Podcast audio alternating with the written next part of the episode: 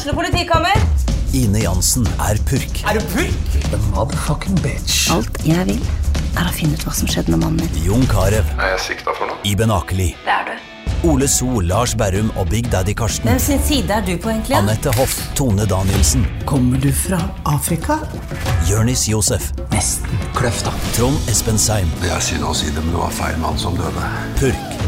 Premiere tirsdag på TV2 Play. Ungsamtalen fra DNB er økonomisk veiledning tilpasset deg som er ung.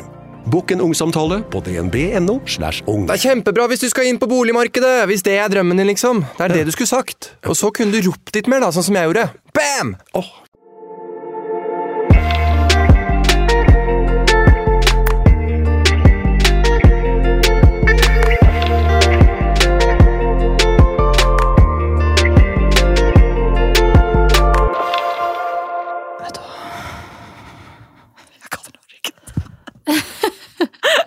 Når man er sur og stressa og skal starte en pod og bare si Hei, alle sammen! Velkommen til Glitter og gråse! Nå skal du høre her. Jeg er ikke sur i det hele tatt. Jeg hadde en dritbra dag. Nei, jeg vet at du mange ganger har sagt Jeg er så god på å skjule meg'. Så Det- er jo ikke det. Jeg er så dårlig på å skjule det at det er helt krise. Og vet du hva som også er krise? Nei. At jeg fuckings betalte 140 kroner for en flaske med sider på byen. Hæ? 140 kroner! For en sider på byen? Ja, altså jeg trodde, trodde av det. Jeg trodde det kostet sånn 90 kroner.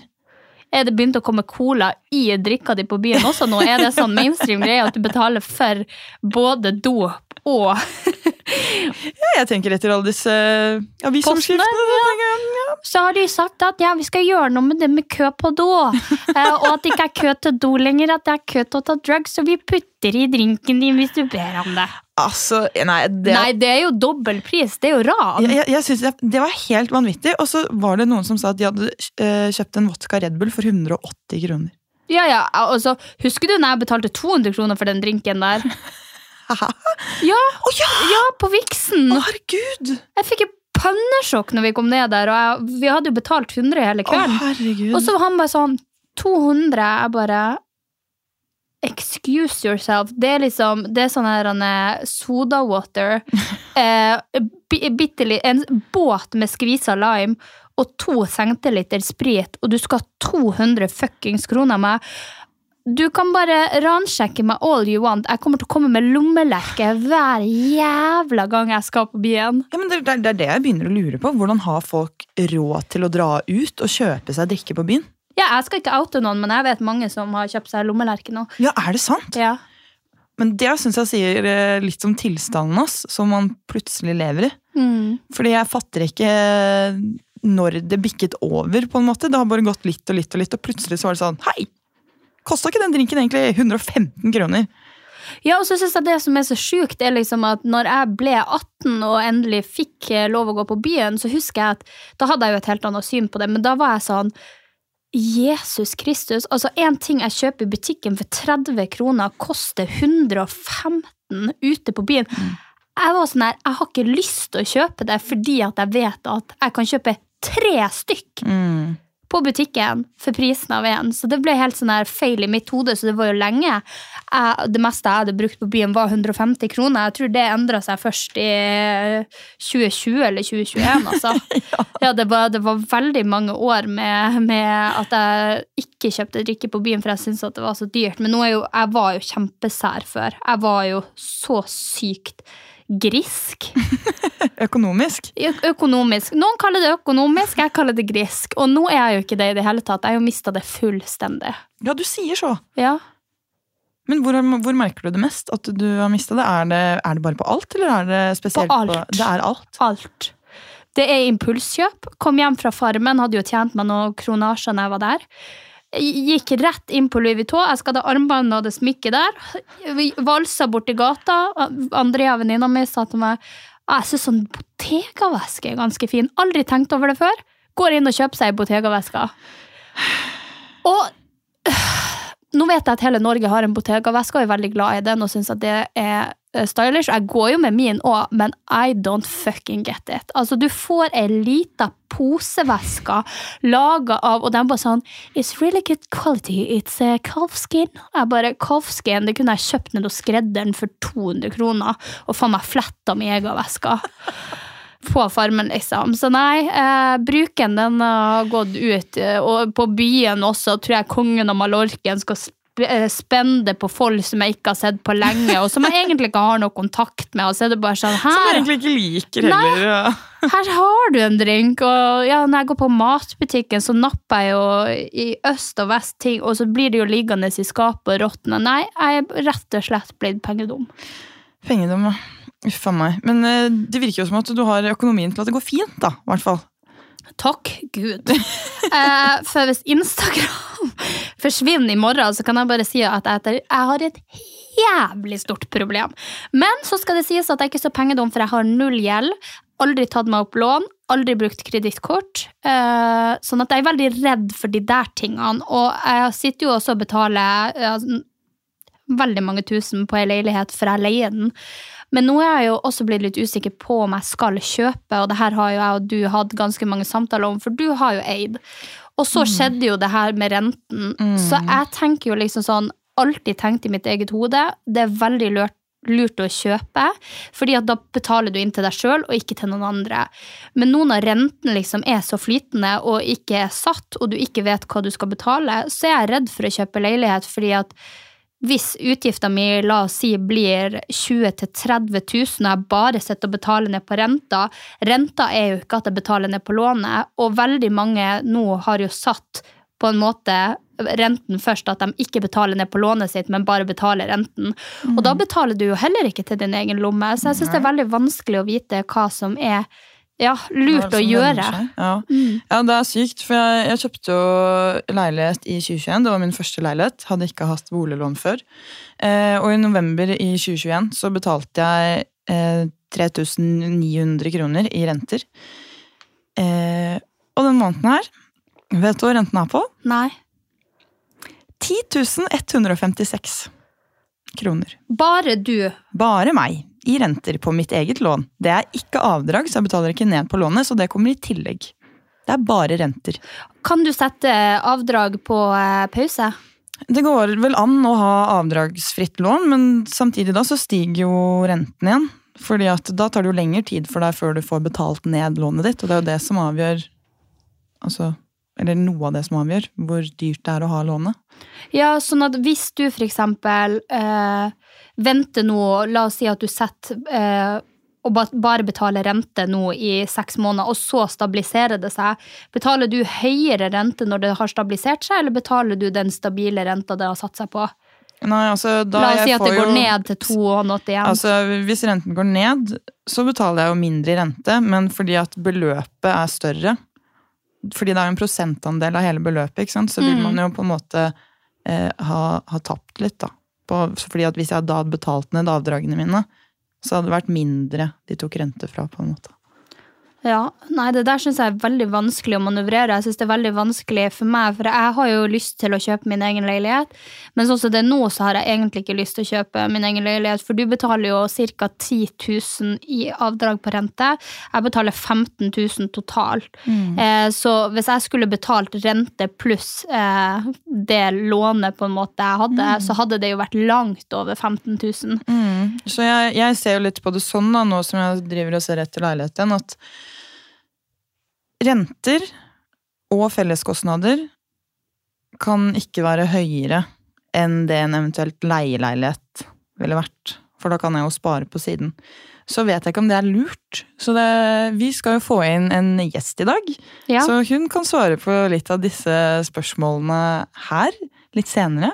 Men før det så har jeg også litt lyst til å snakke om det å faktisk ha dårlig råd. Fordi du har jo også Altså, du bodde jo alene veldig tidlig. Ja, du, nå, nå høres jeg jo ut som jeg ikke har noe perspektiv på livet og penger og hvordan det er å være avhengig av det du får inn. Eh, og sånn har det jo absolutt ikke alltid vært. Jeg har jo vært på andre sida, og jeg vil si ganske langt på andre sida. Jeg flytta jo for meg sjøl da jeg var 16 år.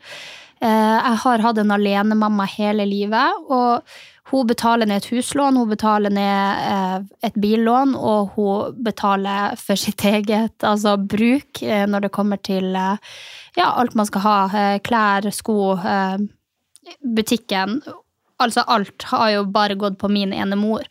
Og jeg har jo egentlig aldri mangla noe, men jeg tror jeg merka det sånn ordentlig når Ja, når som smått folk i klassen min begynte å få ting av foreldrene sine, eller at de lånte bilen fordi at de hadde to, eller at de fikk nye turklær. Jeg har aldri hatt liksom sånn kjempefine turklær. Jeg husker at det var en veldig stor greie når jeg flytta for meg sjøl og var 16, fordi at det er et veldig stort miljø i Alta som er sånn De trener og de eh, spiller håndball, og så er de veldig mye ute på tur da og fisker i elven, så de har veldig ordentlig utstyr der.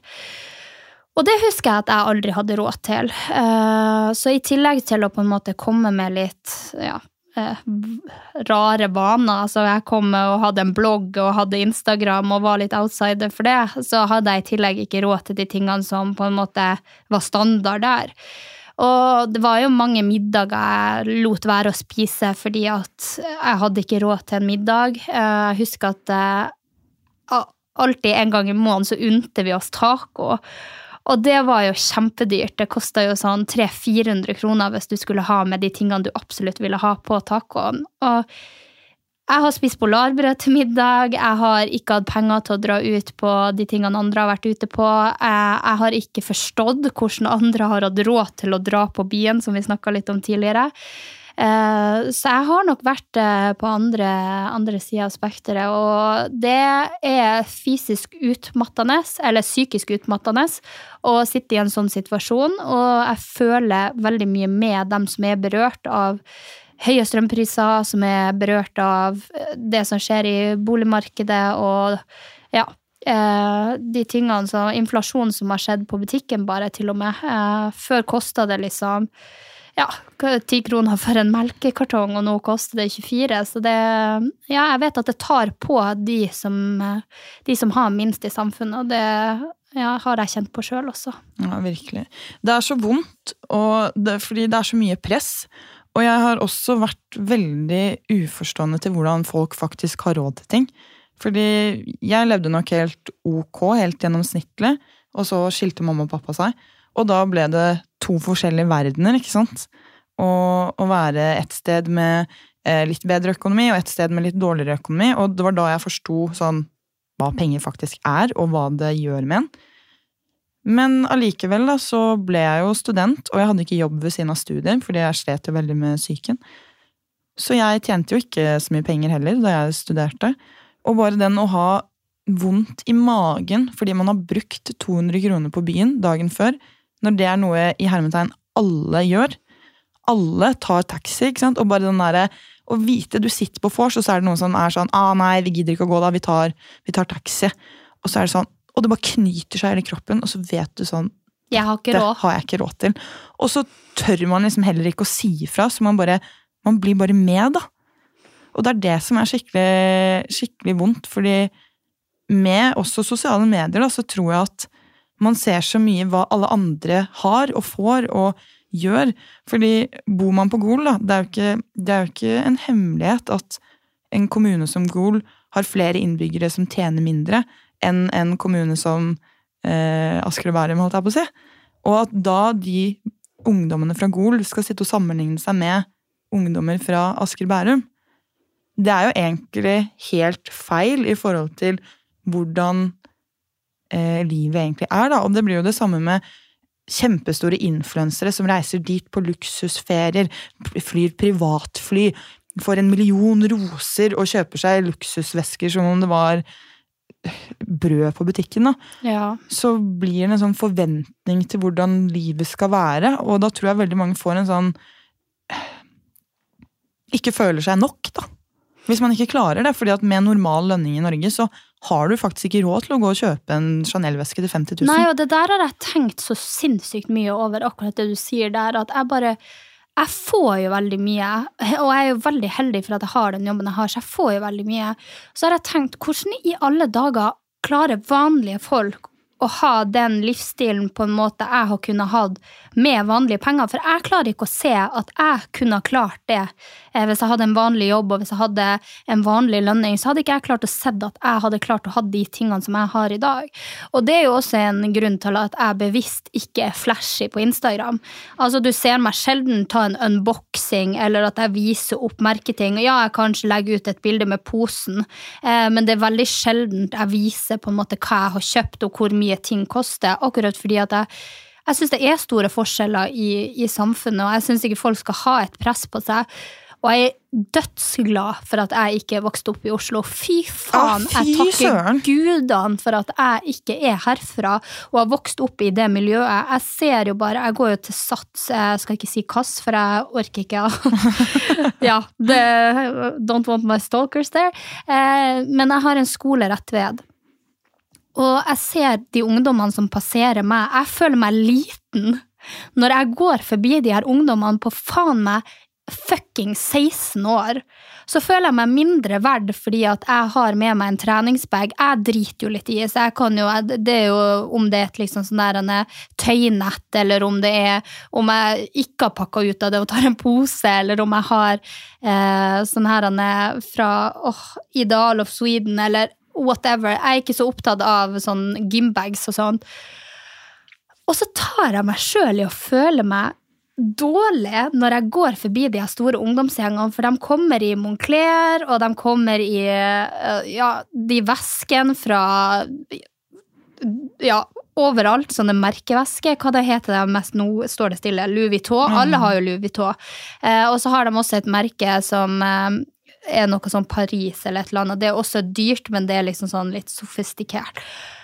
Så jeg går jo forbi det her gjengene på tur til trening og bare tenker «Ah, hjelp! Og så er jeg bare sånn fy faen, Sofie, skjerp deg! Du har jo fine ting hjemme, liksom. Og om jeg ikke hadde hatt fine ting hjemme, så gjør jo ikke det noe. For alle de ungdommene som møter meg der, har jo også følt på et press for at de skal ha kjøpt de tingene som de har kjøpt. Og jeg ser jo, alle er jo faen meg klin lik. Det er jo som en kompimaskin her i Oslo. Alle jentene har Oda Rikheim-ring. Eh, alle Oslo-jentene har slengbukse og Uggs. Alle Oslo-jenter har eh, en eller annen stor veske i et eller annet merke, om det er Celine, eller om det er eh, Bottega, eller om det er Louis Vuitton, eller om det er det der jeg Husker ikke hva det heter, jeg har en sånn i pengebok med noe sånn Paris-greie med sånn merker på. Så nei, eh, veldig, Og tenk at det er glad. normalen, da! Ja. Det er jo det, altså, det, er jo det som er sykt her. At det er, man ser flokker med disse folkene. Ja. Og så ser man folk på Instagram som er helt like. Og jeg husker åh, det, var, det er et sånn øyeblikk hvor jeg skjønte sånn nå må, du, nå må du bygge opp selvtilliten din med noe annet. Fordi jeg skulle på et eh, ISL-event i Stockholm da jeg blogget. Og jeg kjente bare sånn Jeg fikk panikk. Fordi For det første så hadde jeg ingenting som jeg følte var kult nok til å ha på meg. Det, var snakk om nordiske influensere som jeg hadde altså, Kensa skulle være der. Jeg hadde lest bloggen til Kensa og syntes hun var dritfet. Og så hadde jeg ikke noe å ha på meg, men så hadde jeg en venninne, og hun hadde en Gucci-veske. Og hun var bare sånn, ja, men bare lån den, bruk den til den kjolen her. Og så var jeg sånn, ok, shit. Og da jeg kom på det eventet, så på grunn av Gucci-vesken, så følte jeg meg så mye bedre. Og jeg følte plutselig at sånn, shit, ja ja, jeg passer i hvert fall litt inn her, selv om jeg har en billig kjole på meg. Så har jeg en Gucci-veske. Jeg ser, jeg ser fet ut. Jeg ser bedre ut. Og da var det plutselig ikke så ille at eh, Josefine og HJ, og de sto i et hjørne og liksom fordi da var jeg liksom en av gjengen. Da hadde jeg også Gucci-veske.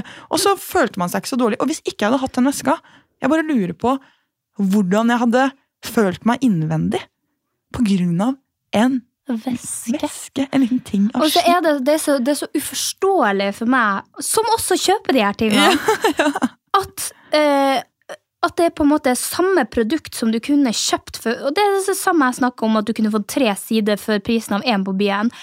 Jeg blir så påvirka av det. Eller ble i hvert fall mye mer påvirka av det før, for da kjøpte jeg det faktisk ikke. Men nå tenker jeg bare 'å, du er dust', og så går jeg og kjøper det. eh, men at man betaler i dyre dommer Altså som den der Bottega-veska som jeg kjøpte, den koster vel 27, 26 eller 27 000 med lenke. Hva sa du for noe nå? Den lille veska di? Lille veska mi. Den bitte lille veska di?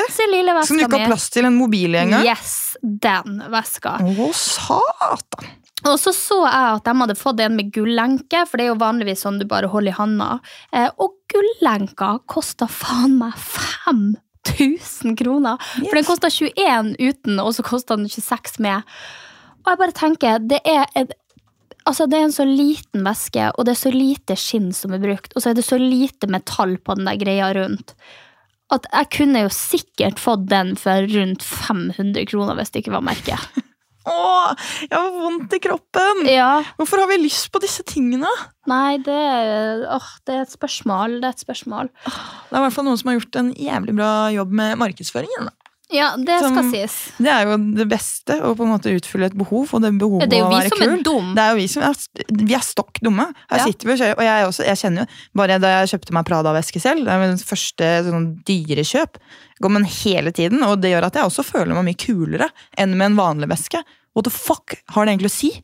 Nei, og så er det jo sånn at vi er mennesker som er på Ok, nå skal ikke jeg begynne den store speechen med hva er vi, og hvor er universet kommet fra, men altså, vi er faen meg mennesker på denne jorda som har skapt et press til oss sjøl for at noen skal tjene penger. Altså, hallo!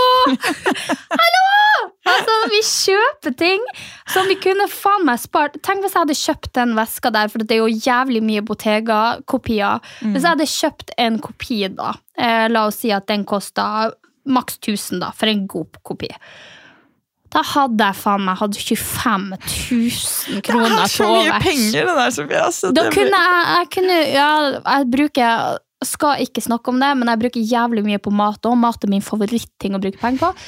Men altså, 25 000 kroner kunne man brukt på noe annet. Alle de dyre tingene man har kjøpt seg noensinne. Jeg skjønner elektronikk, men det er jo også overpriser. Men sånn, som en Mac, da får du veldig mye ut av det.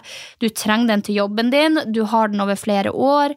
Um, den er bra, den er kjapp, du betaler for di- diverse tingene, men sånne klær og klesmerker og smykker som er laga av samme jævla stoffet, av samme jævla materiale, og så betaler du fordi at det er et merke, det blir jeg irritert på meg sjøl for at det er en greie. Åh, men det er i hvert fall godt at vi er flere. Ja. Jeg er eh, fremdeles litt nysgjerrig på hvorfor ting skjer i Norge nå.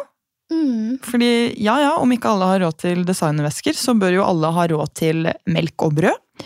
Det virker det jo som at vi ikke har snart. I hvert fall ikke strøm eller hus. Og kanskje gjesten vår kan hjelpe til med leilighetskjøp. Hvordan vi skal investere pengene våre, eller hvordan det er best å spare. Velkommen til deg, Cecilie. Tusen takk.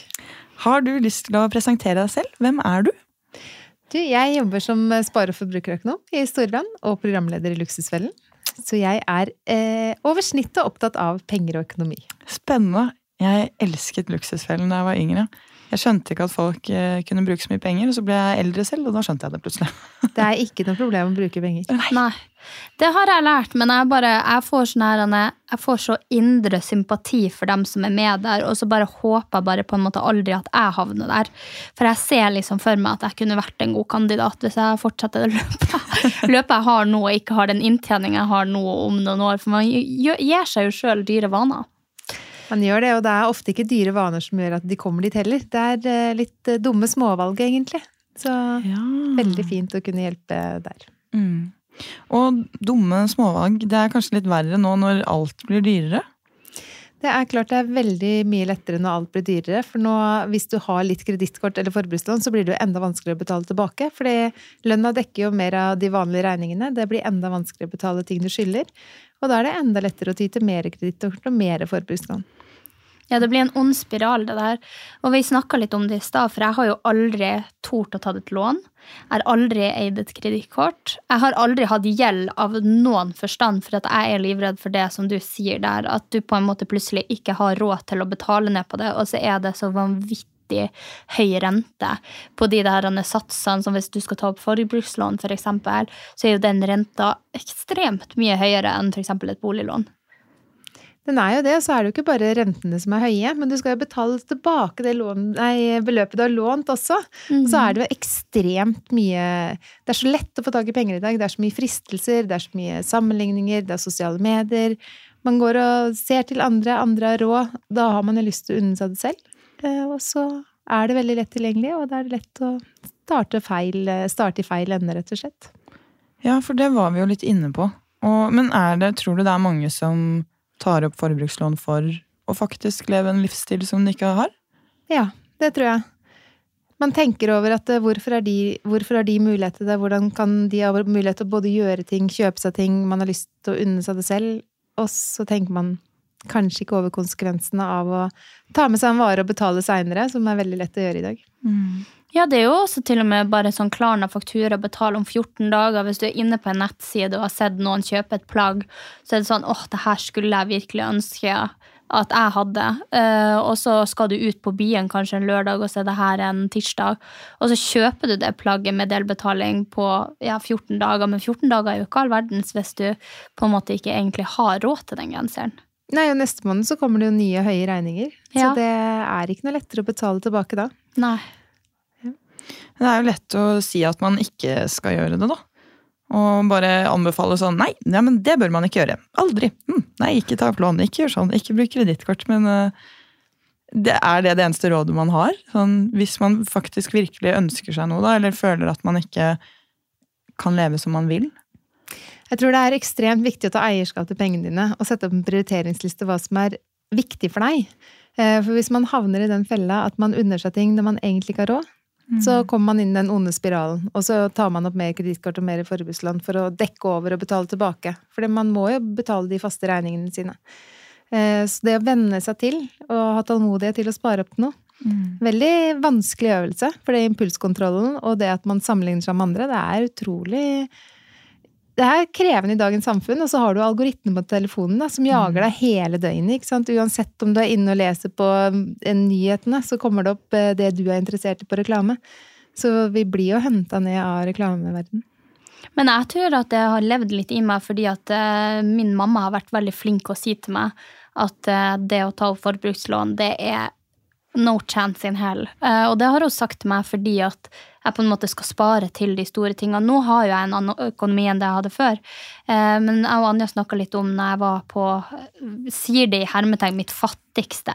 Eh, og jeg vil jo også kunne si at det å være fattig, men jeg flytta jo når jeg var 16 år for å studere eller ta studiespesialisering i Alta, for vi har ikke høyskole eller videregående, videregående, som vi sier nå.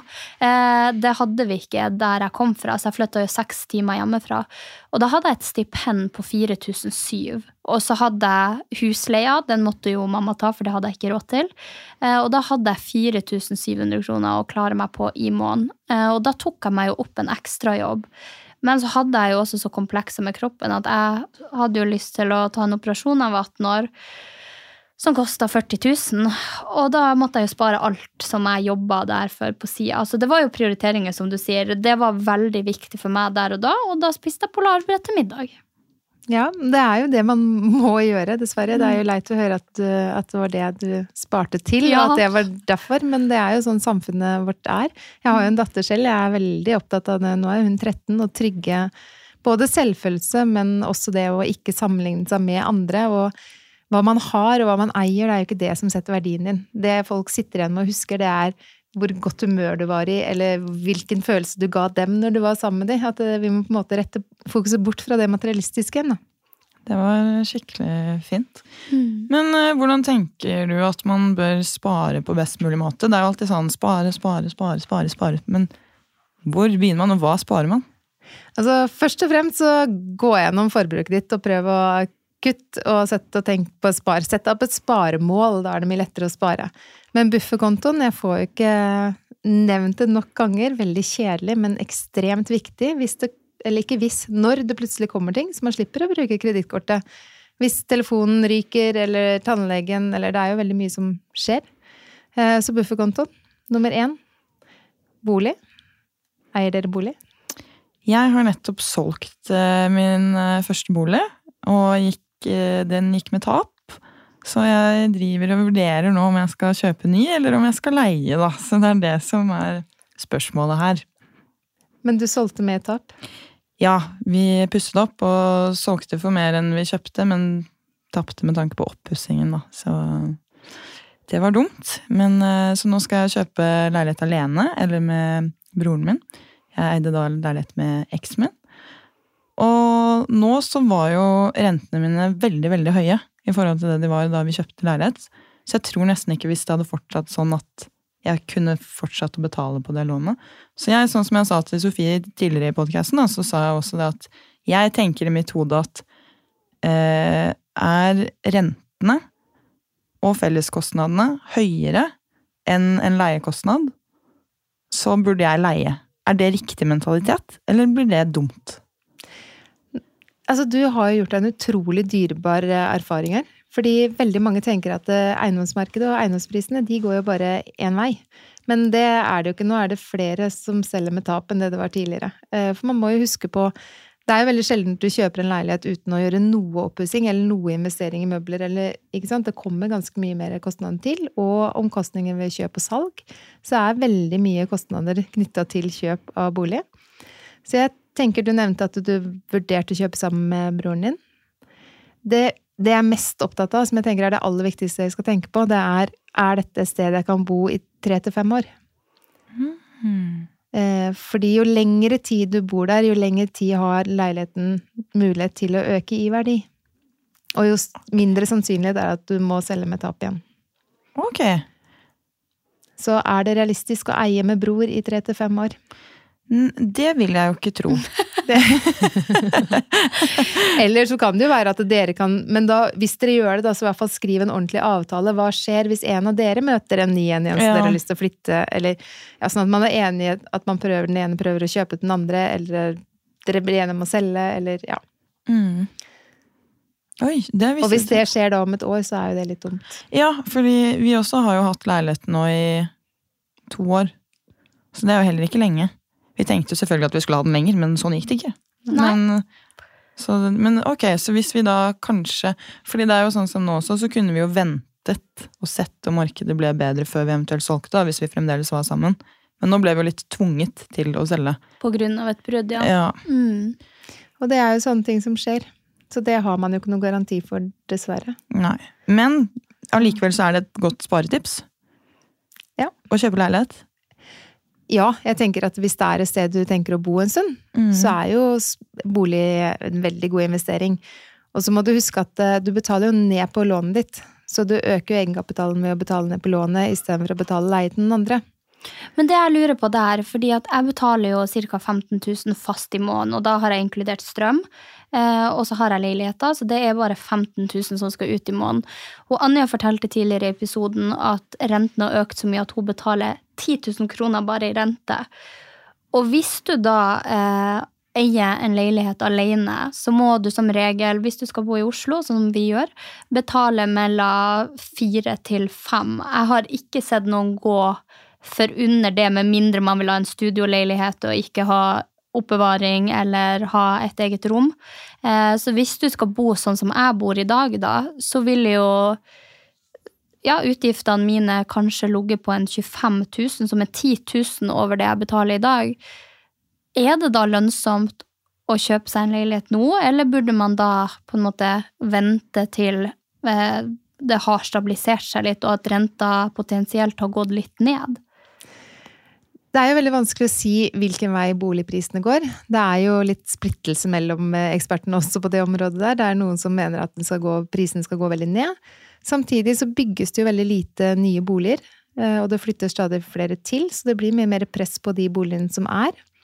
Så det er, eh, det er vanskelig å spå hva som vil skje. Jeg tenker at det viktigste du gjør, er å tenke langsiktig. Og så er det noe med er du komfortabel med å ha 10 000 mer i, i utgifter i måneden? Nei, for det er jo akkurat det at jeg føler jo fordi Ja, ja, jeg betaler til noen andre akkurat nå, men jeg føler jo også at jeg på en måte sparer, for de fleste som har en leilighet som er såpass dyr, har jo satt eh, innbetalinga på sitt eget lån på pause, og betaler jo kun rente. Og det vil jo også si at de betaler jo basically leie. Fordi de betaler bare rente, og det går jo ikke til deres eget lån. Nei, da får de verdiøkningen hvis boligen eh, øker i verdi, da. Ja. Men eh, jeg tenker hvis du klarer å spare 10 000 kroner ekstra i måneden, sånn at du venner deg til kostnaden ved å ha et lån, så øker du egenkapitalen din, og du venner deg til hvordan det blir eh, den dagen du får kjøpt, da. Ja, det er veldig sant. Ja, for jeg, jeg er litt sånn, er litt sånn på øh, pinebenken der, for jeg har jo snakka med en del rådgivere, øh, og hatt Jeg har jo selvfølgelig Det går an for meg å ta opp lån, jeg har høy nok inntekt, jeg har ingen gjeld, jeg har ingen øh, anmerkning, ingenting.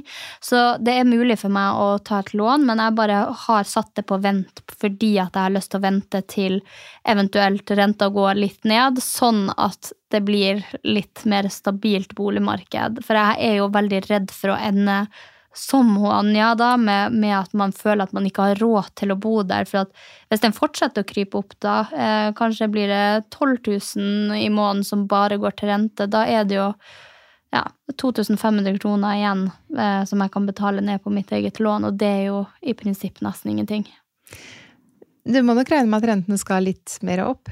Ja. Fordelen nå, nå er at nå er det veldig mange som er usikre. Um, eller det er ikke noe fordel at eh, folk er usikre og har dårligere råd, men da er det kanskje litt mindre kamp om leilighetene, og du unngår kanskje noen budrunder. Så det er kanskje lettere å få kjøpt den leiligheten du ønsker. Uh, og hvis du regner på det og ser at du kan tåle en rente på 5, 5 og du syns det er greit å betale 25 000 i måneden, så kan det være et fint tidspunkt å gå inn. Ja. Det er rett og slett noen sånne regnestykker for banken. De tar jo hensyn til at du skal kunne tåle eh, 3 prosentpoeng høyere enn det den er nå. Eller at man skal kunne tåle en rente på 7% boliglånsrente. Og så er det én ting at banken regner at du kan tåle det. Men det er viktig for deg å se hvor mye det faktisk blir i måneden er du komfortabel med å betale så mye? Ja, for det er jo det jeg sitter med. For jeg, jeg, har jo en veldig god verdi av å kjøpe den maten jeg har lyst til. Dra ut og spise. Eh, dra ut med vennene mine på en bytur. Dra på en ferie. Det er jo ting som gir meg glede. Eh, så i mitt hode så er det jo sånn, jeg leier en leilighet nå til 15 000, og der har jeg det jo veldig fint. Jeg bor midt i Bygdøy. Ja, Allé, men den er stor, så ikke prøv å finne ut hvor jeg bor. Eh, så jeg bor midt i, på Frogner, og jeg vet liksom at jeg har en plass å bo, i tillegg til at jeg kan gjøre alle de tingene jeg liker. Så for min del så er det jo også litt med det der at jeg har jo lyst til å på en måte leve et godt liv mens jeg kan, fordi at en dag kommer det barn, en dag kommer det en mann, en dag kommer det kanskje en jobb som tar opp veldig mye av tida mi. Så jeg vet ikke om jeg hadde syntes at det var verdt å sitte og betale på akkurat samme kvadratmeter eh, på et kanskje litt mer shabby sted, bare for å eie noe, og så eh, gi slipp på alle de tingene jeg syns er gøy, for at du sitter og betaler deg i hjel på et boliglån akkurat nå, i hvert fall. Men da tenker jeg det er en veldig god eh, plan å begynne å spare litt ekstra isteden. Ja. Sånn at du øker egenkapitalen med sparing. Ja, for der har jeg også et interessant spørsmål. fordi at jeg har jo en eh, eh kjæreste som har gått økonomi, og som har uh, gått det samme som din eks, hva det heter? Finans. Finans. Uh, så han er jo veldig inni det, og veldig på å regne de her tingene, og hva som er verdt, og hva som er lurt. og og han har jo også snakka om det med inflasjon, at det å på en, på en måte spare, og du nevner jo bufferkonto. Men hvis man liksom legger en liten bufferkonto i sin egen konto der man setter sine penger og sparer, så vil jo den være mindre verdt også ved inflasjon eh, som jo nå i hvert fall er veldig høy, og som også sikkert i fremtida kommer til å bli påvirka av det. Og da vil jo pengene du har satt i den bufferkontoen, være mindre verdt. Er det lurest å spare i en egen konto, bare la dem stå der, for da blir de jo, da vet man jo med sikkerhet at de blir mindre verdt. Eller er det lurt å spare i fond, eller investere i aksjer, eller ansette noen som er smartere på de tingene? Når det kommer til bufferkonto, så skal du ikke ha det store beløpet der. Nei. Eh, eh, det som er, Når du har penger på en konto, så vil du sjelden få like høy rente som prisveksten. Så pengene på konto de vil stort sett alltid tape seg litt i verdi. Men samtidig så er det veldig viktig at eh, hvis en telefon ryker, og du må ut og kjøpe den i dag, så er det veldig dumt å ha det i et aksjefond, hvor kanskje verdien på pengene har falt halvparten. Eh, og det tar også noen dager å få pengene ut. Så sånn kortsiktig bufferkonto, den bør stå på en konto. Men eh, sjekk ut hvilken rente du får på den, og test ut eh, hvor du kan få best rente. Absolutt. Og så er det eh, å spare til bolig. Hvis ikke du eier bolig, så er jo BSU fremdeles veldig bra. Det er risikofritt. Du får 10% skattefradrag, og du får bankens beste rente. Så her vil du også slå inflasjon. Og så er det selvfølgelig når du sparer langsiktig, fem-ti år eller mer, så bør du spare i aksjefond. Ja. Aksjefond, ja. Det kan jeg ingenting om. Men det er jo eh, veldig fint, for før så var det jo kjempevanskelig å få spart i aksjer eller aksjefond. Mens nå er det jo så utrolig lett og så utrolig tilgjengelig. Du kan gå inn i en hvem som helst nettbank eh, og starte med en spareavtale på 100 kroner. Oi! Ja, du ringer faktisk bare banken din, og så setter de deg, hooker de deg opp med, med en fondkonto. Men det, det har jeg snakka mye med, for jeg, jo, jeg er jo litt mer sånn risikocheck. Så jeg har jo litt lyst til at eh, han som har gått finans, glemmer alltid det ordet, at han skal investere litt for meg i forskjellige aksjer, for han er jo veldig inni det og sitter jo og leser grafer hver eneste dag. Så jeg har jo litt lyst til å begi meg ut på, på litt sånn aksjer og sånt etter hvert, på sparing. Eh, for at jeg er jo sånn go big or go home, eh, sier jeg. Og så husker du når det der kryptogreia var, det var jo også en veldig stor greie, og folk bare sånn, her tjener man penger. Men jeg var forsiktig da, men jeg satte inn 2000 kroner, og de tror jeg i dag er verdt 150. Hva Bare flaks det var 2000, ikke 200 000. Men der hørte man alle glory-historiene, ikke sant? Og så Ja, ja, ja. hørte du ikke om alle de som tapte. For det, krypto skaper jo ikke noe egen verdi. Du er prisgitt at noen andre kjøper det for mer enn det du selv har gitt. mm. Men når du investerer i aksjer og i aksjefond, så investerer du i faktiske selskap, i bedrifter som skaper verdi, jobber hver dag for å skape verdi. Og hvis du setter det i aksjefond, så er det en sammensetning av mange selskap. Sånn at du får spredt sparepengene. Du slipper egentlig å sitte med den kunnskapen. Mm. Så da, for at når du kjøper aksjer, så kjøper du én aksje for eksempel hos Norwegian, men i et fond så er det på en måte så mange forskjellige bedrifter at du vil på en måte vinne på det. Og det, det er lav risiko, men det er jo fortsatt risiko, men det er en veldig lav risiko. Det er jo høy risiko med krypto og, og aksjer, men jeg syns jo det er litt gøy, da. Det er jo sånn flakslodd og trykke på panteknappen på panteautomaten. Men hva er eh, Hvor mye må man ha for å starte å spare i aksjefond? Sånn Du trenger ikke mer enn 100 kroner. Du kan sette inn, du kan gå inn i nettbanken din og sette i gang et fast trekk fra kontoen hver, dag- hver eh, lønningsdato. 100 kroner. For eksempel til et indeksfond. Da, det er de billigste aksjefondene. Da har du 1600 selskap spredt over hele verden. Og de fleste indeksfondene de er like hos alle banker. Det, så da er det bare å se på prisen, egentlig. Ok. Prisen? Prisen du betaler for forvaltningen. Ja, Man fordi da betaler du for at de eh, skal Som, som at din kjæreste ville gjort det for deg, på en måte? Mm. Ja. Men det som eh, Jeg har jo også hatt eh, folk som har spart i min nære relasjon. Jeg tror det var Jeg er usikker på om det var 2500 kroner i måneden. Og hvis du gjorde det over 40 år, så ville du ha nærmere 30 millioner på den fondgreia som de hadde regna på. Og det tenker jeg jo er ganske mye. Over 40 millioner. Mm. Det kan ha vært en spøk, men det tror jeg ikke. For jeg fikk se de grafene der. 2500 kroner inn i måneden over 40 år. Nå tar jeg frem kalkulatoren. Nå er det bare regning på høyt nivå her. Jeg liker at du kom hit og jeg bare sånn.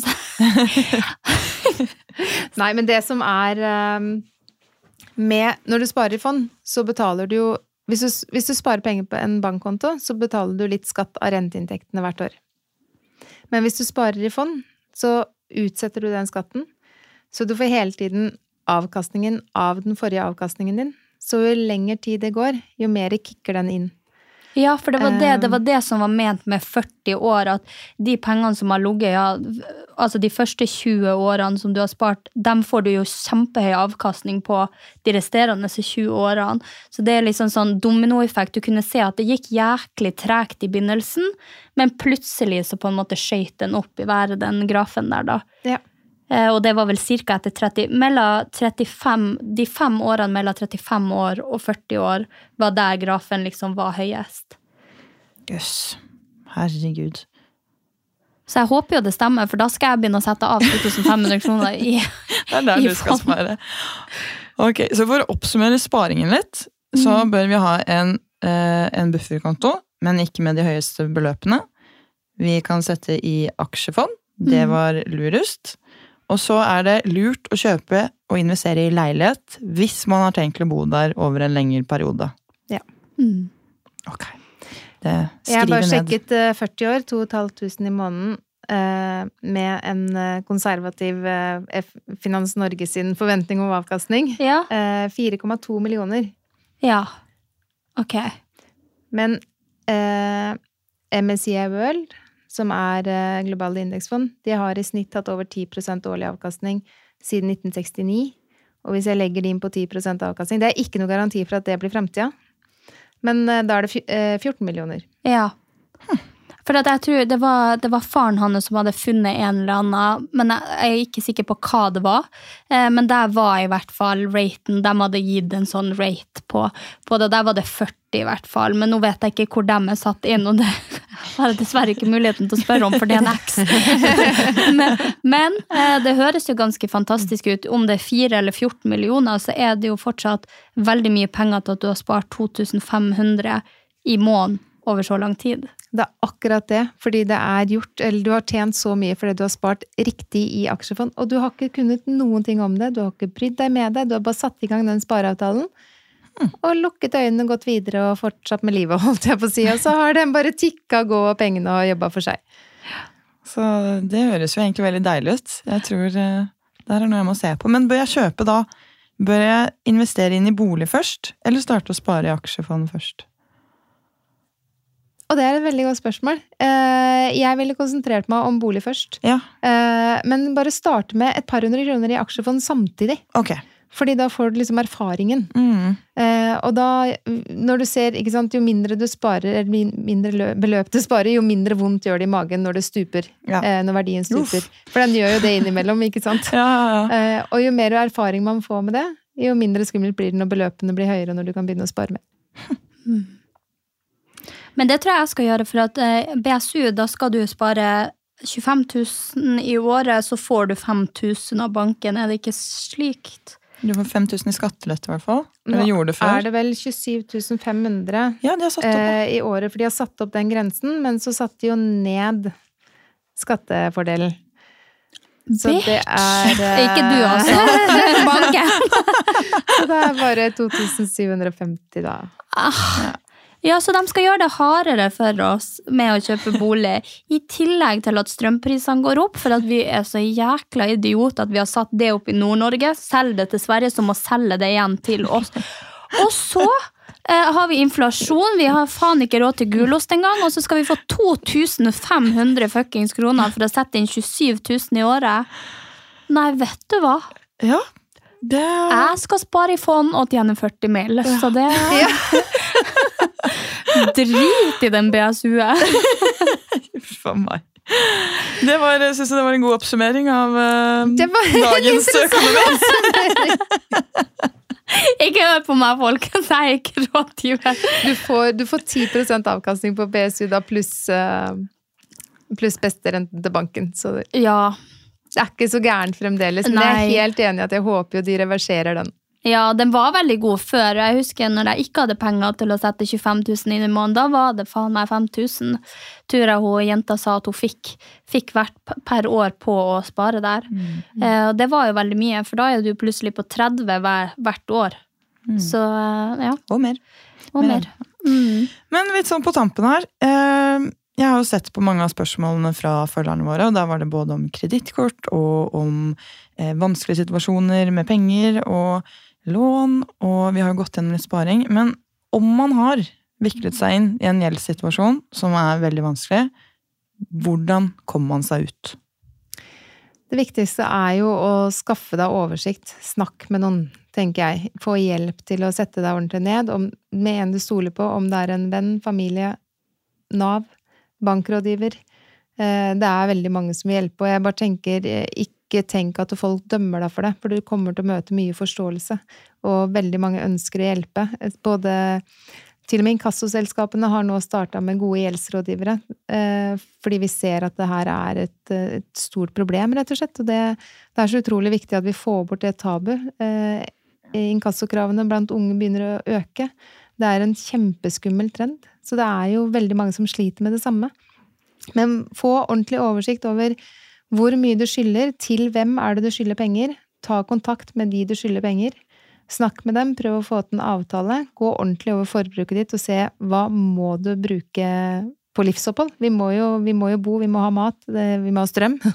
Eh, det koster jo. Og se hvor mye du har til overs, og, og vær helt åpne med de du skylder penger, sånn at de ser at det er ikke noe mer du har å gå på. Mm. Og ikke prøv å løse det med å ta opp kredittkort eller forbruksgjeld. Nei, det er en stor felle. Det er eh, Man ønsker å rydde opp, man ønsker å betale for seg. Det er jo ingen som ønsker å lure seg unna. Tusen, tusen takk for så mye god kunnskap. Jeg skulle ønske at vi kunne sitte og snakke lenger. Og det var så sykt digg å få svar på noe av det jeg faktisk har lurt på, som har kverna i hodet, og som jeg føler jeg ikke har funnet svar på noe sted på nett. Men det finnes sikkert et eller annet sted. Just google it. Ja. Jeg og Sofie har en liten beef der, skjønner du. Fordi hun stiller meg spørsmål, og så sier jeg at hun kan google det istedenfor. så ouch, den var, den var burn. Den var fin. Takk for det.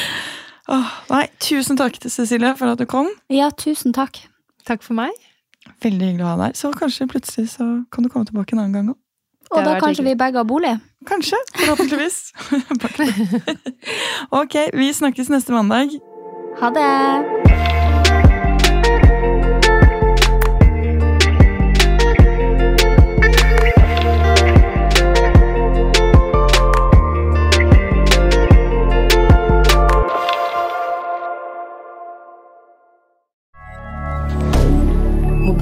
Media. Har du et enkeltpersonforetak eller en liten bedrift? Da er du sikkert lei av å høre meg snakke om hvor enkelt det er med kvitteringer og bilag i fiken, så vi eh, gir oss her, vi. Fordi vi liker enkelt. Fiken superenkelt regnskap.